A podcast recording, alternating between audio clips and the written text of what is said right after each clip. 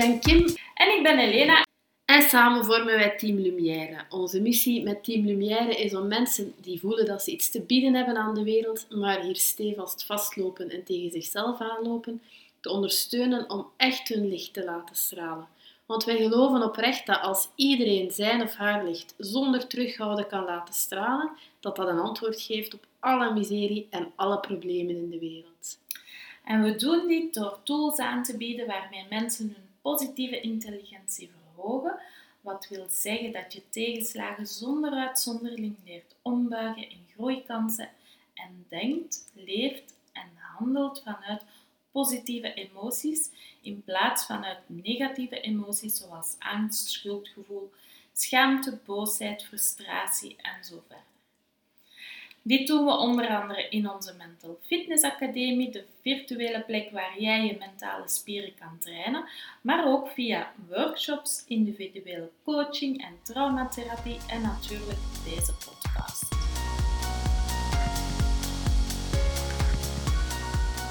Je oordeel inzetten als richtingaanwijzer voor geluk. Jij zult niet oordelen. Een van de tien geboden in de Bijbel. Zo ben ik opgegroeid, met de wijzende vinger. Iets wat me altijd intrigeerde en verwarde tegelijkertijd.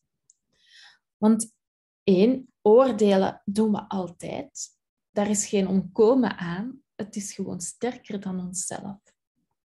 En twee, ik zag rondom mij, zowel in de kerk als bij mijn ouders, continu hoe de ene de andere veroordeelde.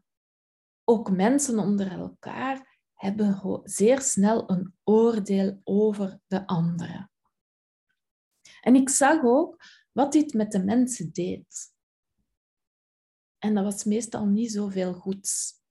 Als kind zag ik dus al heel snel dat er een incoherentie was tussen wat er verteld werd en wat ik zag gebeuren. Oordelen is iets wat ik echt ben gaan onderzoeken, heel natuurlijk, op mijn manier, met mijn ervaringen en met heel wat observaties, vooral eerst bij mezelf, maar ook bij de anderen, in mijn omgeving, in de maatschappij en op wereldniveau. En als kind was ik me daar uiteraard niet bewust van dat ik dit deed, maar nu besef ik heel goed dat ik als kind daar eigenlijk ook al heel veel mee bezig was.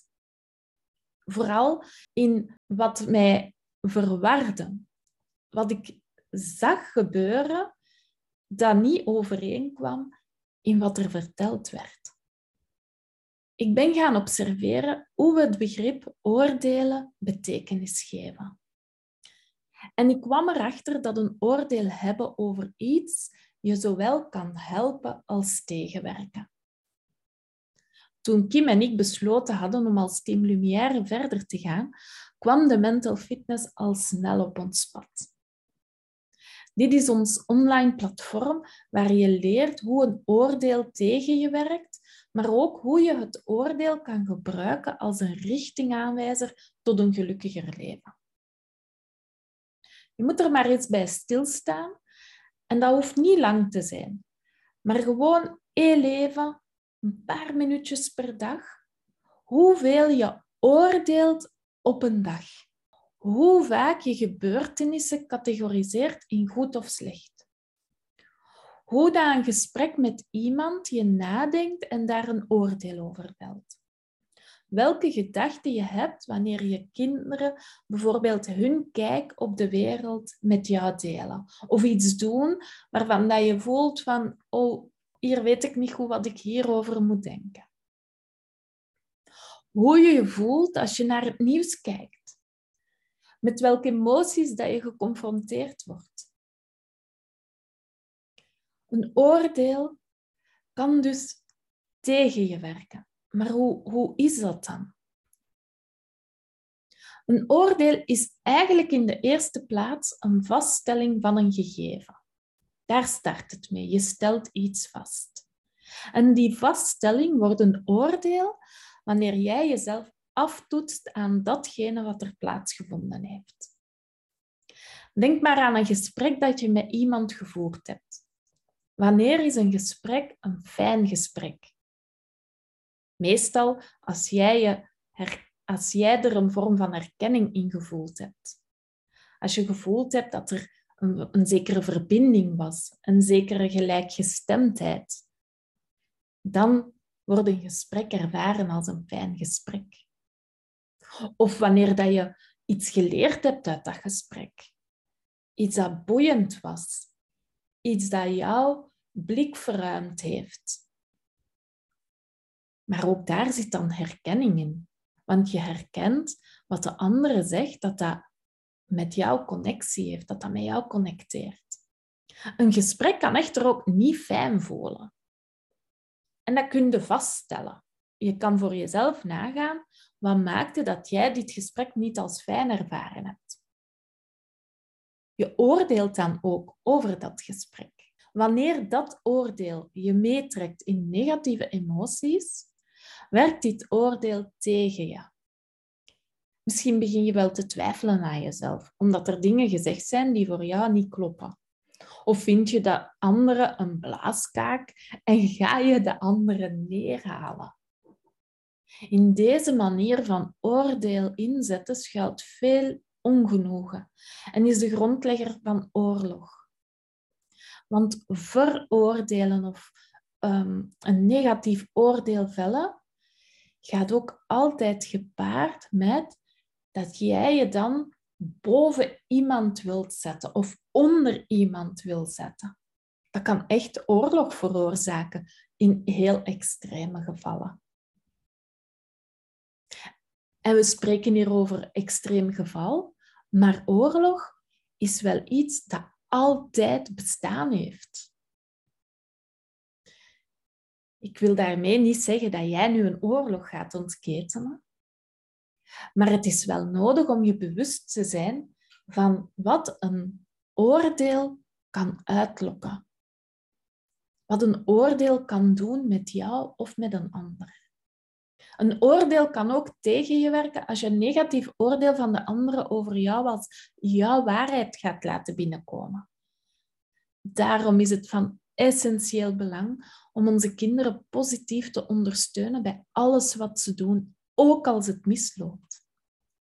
Als een ouder regelmatig uitspraken doet als varken, kieken, luierik, dommerik, gaat het kind zich ook meer en meer identificeren met die uitspraken. En je moet er bij jezelf maar eens op letten hoe snel er een negatief oordeel vertrekt vanuit jezelf.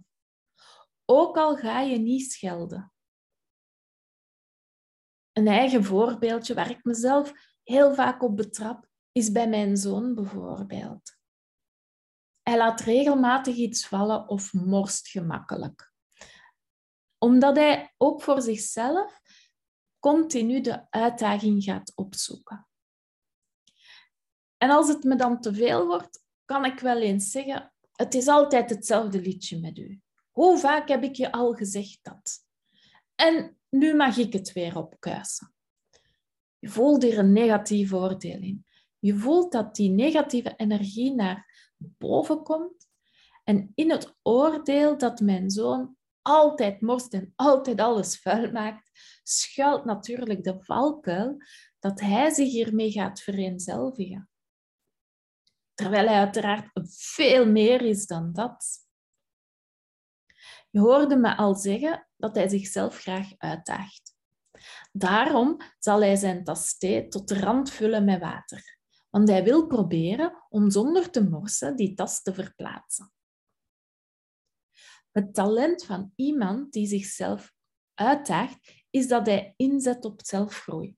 Dat is toch een fantastisch talent. Als een ouder vertelt tegen zijn kind wat hij allemaal goed kan, waar zijn talenten liggen en hoe hij die talenten kan gebruiken doorheen alles, ook bij moeilijke dingen, leert het kind dat het waardevol is, ook als het misloopt. Ik leer mijn zoon met zijn tas dus ook dat hij die uitdaging mag aangaan, maar dat ik ook wel graag heb dat hij het opkuist. Op deze manier vergroot ik natuurlijk ook zijn autonomie, zijn zelfstandigheid. En dit brengt ons hoe je je oordeel inzet om voor je te laten werken. Als richtingaanwijzer. We nemen terug ons gesprek dat niet zo fijn voelde. In dat niet fijn voelen zit ongelooflijk veel informatie verscholen. Wat maakt dat dit gesprek niet fijn voelde? Wat ontbrak er voor jou? Waar verschilden jullie van mening? Welke uitspraken hebben je getriggerd? In hoeverre ben je beginnen wankelen in je eigen waarde? En kwam je zelfvertrouwen misschien wel in gedrang? Door vast te stellen wat er gebeurd is en al deze informatie te gaan gebruiken, hoe jij kan groeien in datgene wat ontbrak in dat gesprek, laat je je oordeel dus voor jou werken. Je gaat hiermee ook gemakkelijker loskomen van het oordeel over de anderen of van het oordeel van de anderen over jou. Ook in je oordeel van de blaaskaak, daar zit ook heel veel informatie in verscholen. Misschien schuilt er wel een beetje jaloersheid in het zien dat iemand zoveel zelfvertrouwen heeft. Dat jij misschien ook graag zoveel zelfvertrouwen zou willen hebben. Of misschien merk je wel dat die persoon naast zijn of haar schoenen loopt. En haal je eruit dat deze personen, deze type personen niet bij je past. Heel belangrijke informatie dus voor jou om jouw geluk te kunnen creëren door je te omringen met mensen die wel bij je passen. Je oordeel laten werken voor jou is dus het fundament om met een grote veerkracht door het leven te kunnen walsen dit is toch fantastisch dat je je oordeel gewoon mocht laten zijn voor wat dat is. Dat je daar eigenlijk niks meer mee hoeft te doen dan alleen maar vast te stellen dat die er is en er de informatie uit te halen wat bij jou hoort, hoe jij wil zijn. Bij die zeven sleutels ga je leren hoe je de donkere kant in jezelf doorheen de negatieve emoties kan laten meewerken door je zielsverlangen als focus te behouden. En je zielsverlangen, dat is een oerkracht. En heel vaak in de eerste plaats, dit wil ik niet meer. Dat is uw zielsverlangen die roept, hoor mij, zie mij, door de schaduwkant en die lichtkant te zien en in te zetten, gaan de zeven sleutels wat je dus gaat doen met de zeven sleutels, gaat dit ook zorgen voor meer verbinding met jouw ziel, met wie dat jij bent, werkelijk bent. Je zal ook merken dat je doordrongen bent van oordelen die tegen u werken. Maar diezelfde oordelen, die gaan je ook verbinden met je zielsverlangen. En ze worden eigenlijk als middel ingezet om actie te ondernemen om jouw zielsverlangen om te zetten in werkelijkheid. Om te durven zijn wie dat jij bent. Om te durven tonen wie dat jij bent. Om te durven creëren vanuit wie dat jij bent. Om te geven vanuit wie dat jij bent. Ga dus zeker een kijkje nemen op onze website, hè, op www.teamlumiere.be slash zeven sleutels. En schrijf je in. Ga ermee aan de slag. Voel wat dit met je doet. Wat ik weet is dat het jou zeker gaat verder helpen op de een of andere manier. Wat je ook altijd mag doen, is onze pagina op Facebook en Instagram volgen en deze podcast uiteraard liken en delen. Fijne dag, avond of nacht nog en tot de volgende. Dag!